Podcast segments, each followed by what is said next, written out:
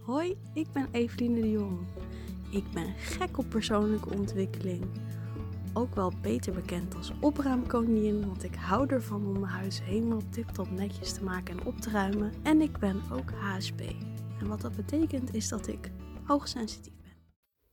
En vandaag wil ik het eigenlijk met je hebben over hoe mijn mindset veranderde na mijn burn-out. Het begon eigenlijk in 2016. Ik liep stage en daarnaast volgde ik natuurlijk nog mijn studie. En op een gegeven moment uh, kon ik niks meer. En belandde ik op een gegeven moment op de bank, huilend en kon ik alleen maar slapen. En op dat moment ging er een knop bij mij om dat ik dacht: er is iets wat niet helemaal goed gaat en dat moet ik echt gaan aanpassen. En zodoende ben ik eigenlijk sinds 2016 mijn mindset aan het veranderen.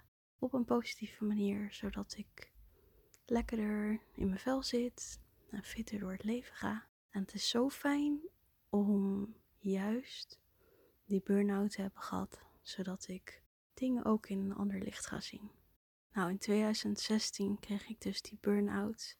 Ik liep een stage en dat was niet zomaar een stage. Ik had best wel veel moeite ervoor gedaan. Um, ik uh, liep namelijk stage bij de politie op de communicatieafdeling. En nou ja, daarvoor woonde ik in Amersfoort. En toen had ik besloten om een half jaar bij mijn oma te gaan wonen in Den Haag. Superleuk, heel gezellig. En dan zou ik door de week bij mijn oma slapen. En dan in het weekend weer naar, uh, naar Amersfoort gaan.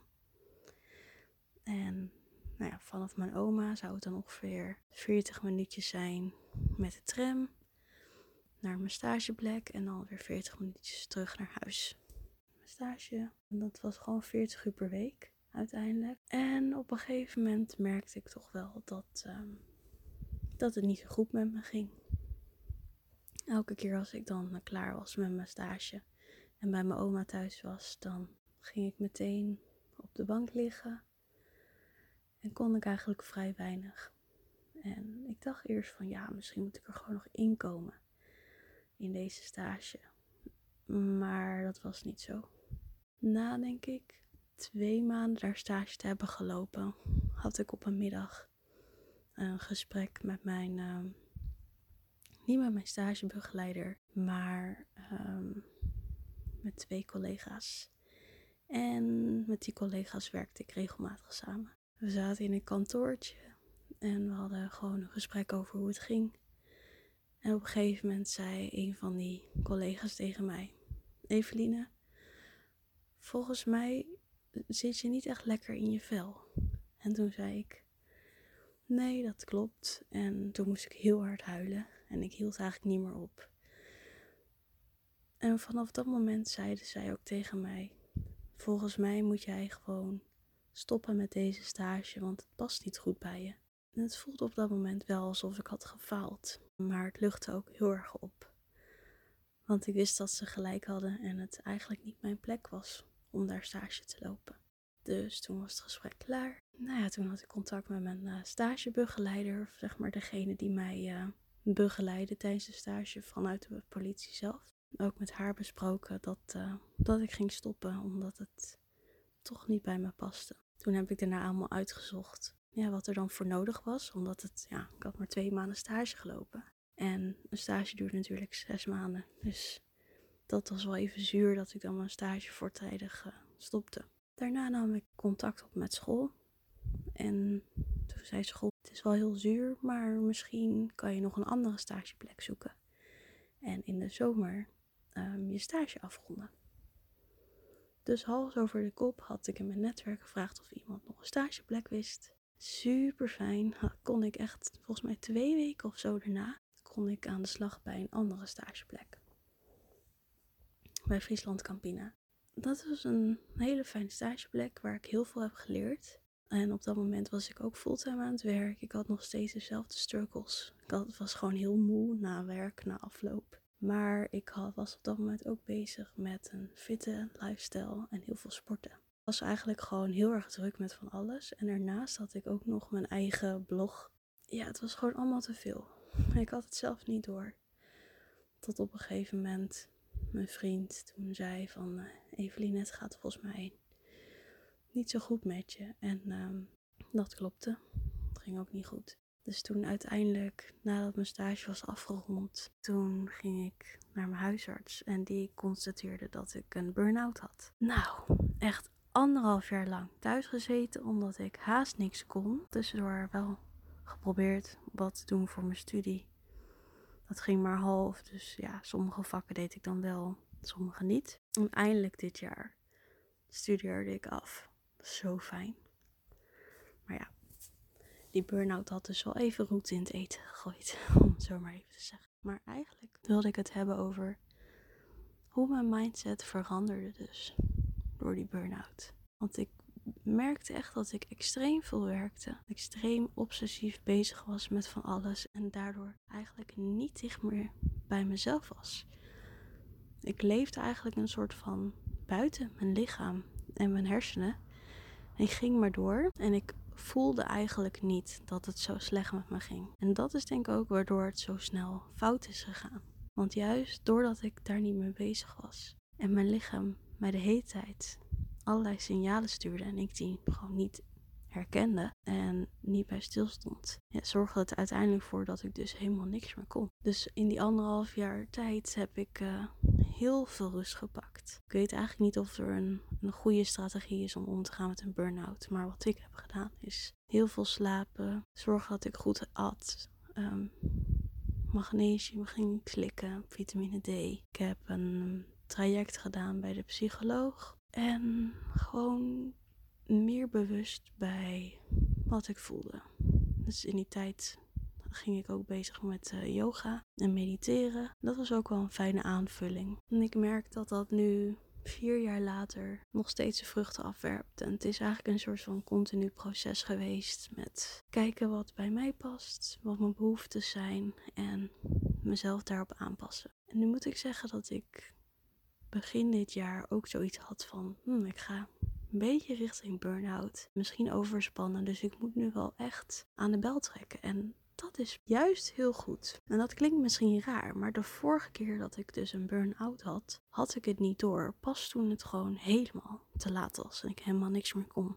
Dus doordat ik bewust was over de signalen die mijn lichaam gaf, daardoor kon ik dus sneller ingrijpen. Het heeft mij wel geholpen om juist te kijken naar oké, dit is mijn situatie op dit moment. En hoe kan ik die aanpassen zodat die ja, minder zwaar voor me wordt. Zodat ik meer op mijn behoeftes in kan gaan spelen. Ik ben dan ook juist gaan kijken naar alle werkzaamheden die ik op dat moment deed. En waar ik wel energie van kreeg en welke niet. Ik heb daardoor ook een aantal opdrachten en opdrachtgevers afscheid van genomen.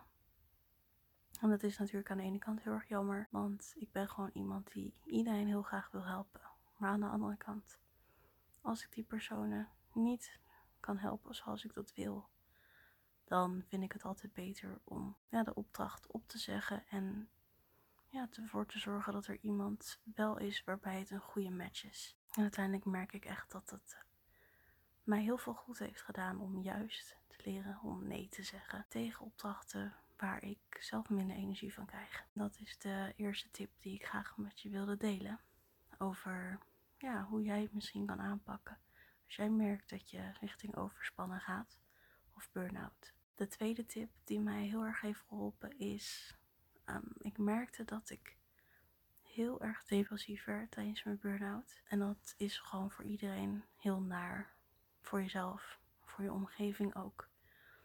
Bij mij was het dan zo dat ik het gevoel had dat ik het alleen moest dragen. Dus ik was dan ook niet heel erg bezig met het praten over mijn gevoelens. Of het schrijven over mijn gevoelens. Wat ik wel af en toe deed, maar niet veel. En ja, daardoor sluit je eigenlijk ook een beetje om je omgeving buiten. Terwijl je die op dat moment juist heel hard nodig hebt. Dus wat ik dan ook zou aanraden is, ook al merk je dat je dat gevoel krijgt, om dan toch bij jezelf te kijken, maar wat vind ik dan wel fijn? En bij wie voel ik me wel veilig om over deze gevoelens te praten? ja, dat kan iedereen zijn eigenlijk. Dus een vriend of vriendin, een therapeut, een familielid of een nou ja, collega. Bij wie je het dan ook fijn vindt. Er is vast wel iemand bij wie je terecht kan om over die gevoelens te praten. Als die gevoelens heel heftig zijn, is het natuurlijk um, verstandig om professionele hulp in te schakelen. En dat moet je ook echt doen. Want soms kan je er gewoon alleen niet uitkomen. Wat mij dus heeft geholpen is wel praten met andere mensen uiteindelijk. En het leren, want ik, ik had het nooit geleerd. En dan moest ik eerst leren voordat ik het kon. En dan bedoel ik vooral om voor het uiten van je gevoelens. En bij mij was dat zo dat ik gewoon niet goed wist hoe ik woorden aan moest geven. En ik ook het gevoel had dat ik mensen er heel erg mee belastte. natuurlijk niemand in je omgeving die om je geeft vindt het leuk om te horen dat je die gevoelens hebt. Maar door te delen maak je de last voor jezelf ook kleiner. Tenminste, zo voelde het voor mij. En kan je de ander je ook laten helpen. Daarmee creëer je eigenlijk een soort van ja, fijnere situatie voor jezelf. En de meeste mensen met een burn-out, die hebben wel last van depressieve gevoelens. Maar volgens mij is dat niet per se blijvend. In mijn geval heb ik wisselend die gevoelens. Ik wil wel zeggen dat het niet zo heftig meer is als vroeger. En dat vind ik heel fijn. Juist doordat ik er veel over praat met anderen, zorgt dat ervoor dat die gevoelens gewoon minder worden. En dat is super fijn. En een derde tip die ik graag mee wil geven is: als je je overspannen of overwerkt of burn-out voelt, om te gaan mediteren. En ik zag vroeger mediteren heel erg als iets zweverigs. En het is ergens ook best wel zweverig. Heb je toevallig Eat, Pray, Love gelezen, dan denk je al gauw aan India en heilige plekken waar je in een retreat kan komen, 14 dagen in stilte kan mediteren. Maar het hoeft helemaal niet zo moeilijk te zijn. En ja, wat mij heeft geholpen is om eerst een beginnerscursus te volgen mediteren bij Anouk. En ik zal haar ook even hieronder uh, neerzetten. Zij is een hele fijne meditatiecoach en zij heeft een beginnerscursus. Hmm, ik weet niet hoeveel lessen, ik volgens mij iets van acht lessen. En in al die lessen leer je verschillende vormen van meditatie kennen, waarbij je dus kan kijken wat bij je past. Dat heeft me in ieder geval heel erg geholpen om mijn eigen ja, fijne meditatiemoment te vinden. Dat heeft mij in ieder geval geholpen om te onderzoeken welke meditatietechnieken ik fijn vind en welke ik zelf wil gaan integreren in mijn leven. En wat mij ook heeft geholpen is YouTube. Klinkt misschien ook gek, maar op YouTube heb je heel veel begeleide meditaties. Het is ook heel fijn, want sommige duren 20 minuten, maar je hebt ook meditaties van een uur of twee uur. En ik raad iedereen aan om even klein te beginnen, zodat de drempel kleiner of ja, makkelijker is. Dus begin bijvoorbeeld bij 10 minuten mediteren per dag. En bouw dat op en kies ook voor verschillende vormen van meditatie. Zodat je jezelf ook een beetje uitdaagt en het niet heel saai wordt. En dan als laatste tip wil ik meegeven dat als je je overspannen voelt, om echt te gaan kijken naar je huidige situatie. Hoe ziet je week eruit? Mm, hoeveel uur besteed je aan werk? Hoeveel uur besteed je aan vrije tijd? Hoeveel uur besteed je aan sociaal contact? Wat is je gewenste situatie? Hoeveel uur zou je eigenlijk aan werk willen besteden? Aan sociaal contact en hobby's of sport of iets anders?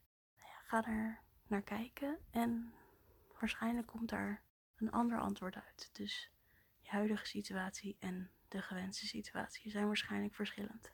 Bij mij was het heel erg dat ik te veel werkte en te weinig eigenlijk voor mezelf zorgde. Dus ik moest de uren die ik juist besteed aan werk een beetje schrappen en daarvan meer uurtjes voor mezelf vrijmaken. En dat heb ik gedaan door bijvoorbeeld uurtjes vrij te plannen en dan zei ik gewoon dat ik een afspraak had. Ehm, als mensen een afspraak met mij wilden plannen. Maar dat wisten ze dan niet dat ik dan een afspraak met mezelf had. Want ja, die tijd had ik gewoon zelf nodig om tot rust te komen en ja, voor mezelf te zorgen. En in principe hoeven anderen dat ook niet te weten, want dat, ja, je hebt gewoon een afspraak. Met wie dat dan is, maakt het dan eigenlijk niet meer uit. Dus even samengevat heb ik eigenlijk vier dingen waar je op kan letten. En al die vier dingen zijn: um, praat erover met iemand die je vertrouwt. Dat is super belangrijk. Ga ook kijken naar hoe je situatie nu is en wat je wilt wat de gewenste situatie wordt. Ook kijken of je misschien iets kan doen met meditatie. Het hoeft niet uren achter elkaar te zijn, maar begin klein. Dat helpt ook al. verder is het ook heel erg belangrijk om nee te leren zeggen. En er is helemaal niks mis met nee. Het is wel goed om na te denken over de manier waarop je nee zegt. Dat je niet te veel in je emoties zit op het moment dat je nee zegt. En wat bij mij eigenlijk altijd zo was, is dat ik te snel ja zei. En dat heb ik soms nog steeds. Ik ben nou eenmaal heel erg enthousiast. En, en dat is vaak ook mijn valkuil. Dus dat ik super snel ja zeg. Maar ik heb wel iets geleerd. En dat is een heel simpel zinnetje is. Oh, wat super leuk dat je mij vraagt. Dankjewel. En vind je het goed als ik er nog even over nadenk en er morgen bij je over terugkom? En dat ene zinnetje, dat zorgt er eigenlijk al voor dat je jezelf ruimte geeft om goed over na te denken en te kijken of het überhaupt wel mogelijk is dat je ja zegt tegen die opdracht. Nou, mocht je dus uh, struggelen met uh, burn-out klachten of overspannenheidsklachten, je mag me altijd een berichtje sturen via Instagram. En mocht je deze podcast nou waardevol vinden, dan zou ik het erg waarderen als je deze zou willen delen via social media. En je mag me natuurlijk ook volgen, zodat je op de hoogte blijft van nieuwe podcasts. Dankjewel voor het luisteren en tot de volgende.